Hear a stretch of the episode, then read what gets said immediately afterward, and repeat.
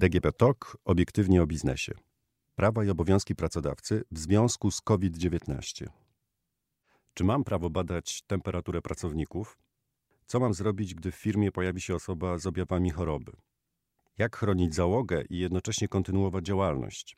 Takie pytania zadają sobie pracodawcy w związku z rozpowszechnianiem się koronawirusa.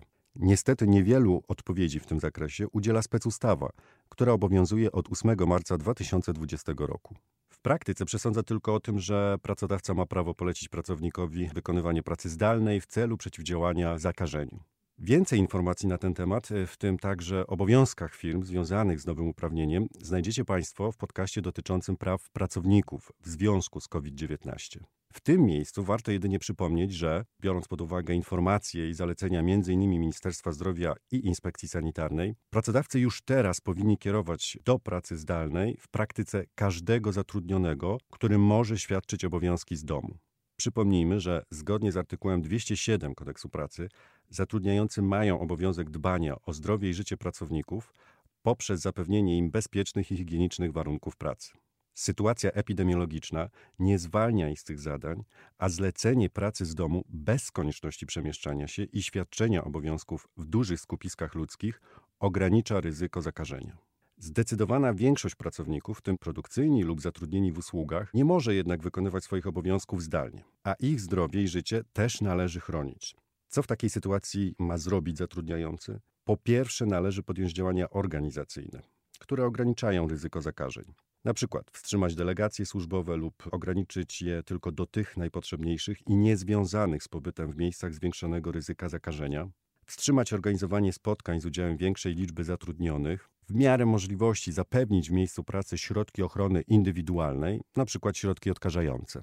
Po drugie, warto opracować model postępowania, który ograniczałby ryzyko rozpowszechniania się koronawirusa, czyli procedurę na wypadek podejrzenia, że do pracy stawiła się osoba chora. Takie sytuacje będą się zdarzać. Najlepszym rozwiązaniem jest nawiązanie kontaktu z najbliższą stacją sanitarno-epidemiologiczną i poproszenie o instrukcję postępowania w takich przypadkach. Nie należy automatycznie i samodzielnie kierować pracownika do jednostek medycyny pracy, bo w nich przebywają najczęściej osoby zdrowe, które przychodzą na przykład na badanie okresowe, ani do oddziału zakaźnego, bo jeśli okaże się, że ten jest znacząco oddalony, to pracownik może zarażać po drodze, na przykład w środkach komunikacji publicznej. W tym zakresie pojawia się oczywiście pytanie o to, czy poza zwykłą obserwacją, na przykład czy pracownik y, nie kaszle, Firma ma prawo jeszcze w inny sposób weryfikować profilaktycznie zatrudnionych, w tym przede wszystkim sprawdzać, czy mają gorączkę. W niektórych krajach kwestie te regulują przepisy, w innych e, są choćby wytyczne organów nadzorczych, czyli odpowiedników Urzędu Ochrony Danych Osobowych. W Polsce nie ma ani regulacji prawnych, ani stanowiska. Zdecydowana większość prawników w obecnych warunkach związanych z koronawirusem dopuszcza jednak prawo pracodawcy do sprawdzania, czy zatrudniony nie ma gorączki.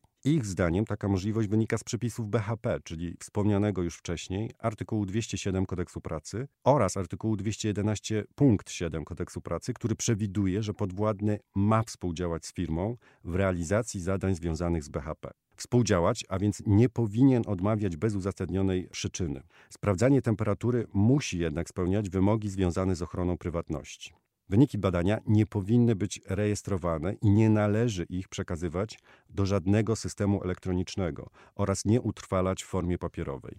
W takim przypadku nie dojdzie do przetwarzania danych, a więc nie ma zastosowania RODO. Ważne jest też to, aby sposoby mierzenia temperatury były adekwatne do tego, co pracodawca chce zweryfikować. Czyli najlepiej stosować narzędzia, które wskazują jedynie, czy dana osoba ma gorączkę, tak aby pracodawca w ogóle nie pozyskiwał informacji o wysokości temperatury. Chodzi o urządzenia, które na przykład mają tylko czerwoną i zieloną diodę, które zapalają się w zależności od wyniku badania. Jeśli okaże się, że dana osoba ma gorączkę, to firma nie powinna dopuścić jej do pracy powinna uznać, że w dniu badania ma usprawiedliwioną nieobecność pracy i pokierować takiego pracownika zgodnie z uzyskanymi wcześniej instrukcjami z inspekcji sanitarnej. Warto też podkreślić, że jeśli profilaktycznemu badaniu poddawani są wszyscy pracownicy, to nie ma ryzyka związanego z ewentualnym zarzutem dyskryminacji zatrudnionych. W tym miejscu trzeba też zaznaczyć, że wkrótce może pojawić się stanowisko łodo w sprawie dopuszczalności badania temperatury w miejscu pracy. Nawet jeśli będzie ono negatywne, czyli urząd uzna, że firmy jego zdaniem nie powinny sprawdzać gorączki, to nie oznacza to całkowitego braku możliwości działania pracodawcy. Przypomnijmy, że na przykład UODO uznaje też, że pracodawca nie może badać samodzielnie trzeźwości pracowników, a kontrole takie z uwagi na zapewnienie bezpieczeństwa zatrudnionych i tak się odbywają w firmach, a pracownicy i związki zawodowe je akceptują z uwagi na wspólne dobro.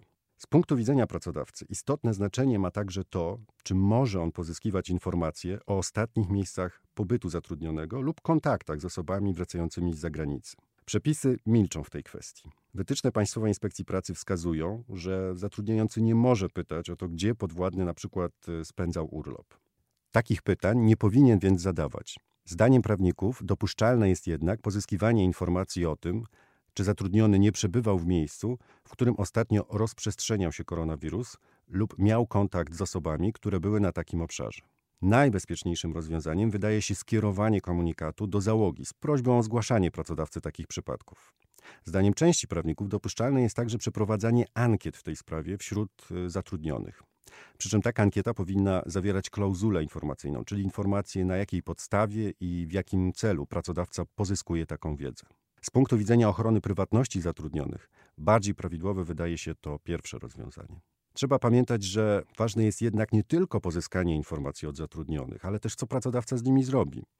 Jeśli zatrudniony potwierdzi pobyt w miejscu podwyższonego ryzyka lub y, kontakt z osobami przebywającymi w takim miejscu, ale nie występują u niego żadne objawy, to może polecić takiej osobie pracę zdalną i poinformować ją o konieczności śledzenia swojego stanu zdrowia. Jeżeli zastosowanie pracy zdalnej nie jest możliwe, to zatrudniający powinien monitorować stan pracownika i wdrożyć procedurę postępowania zgodnie z instrukcją inspekcji sanitarnej, jeśli samopoczucie zatrudnionego się pogorszy. W każdym przypadku należy zachować zdrowy rozsądek i działać w odpowiedzialności za załogę.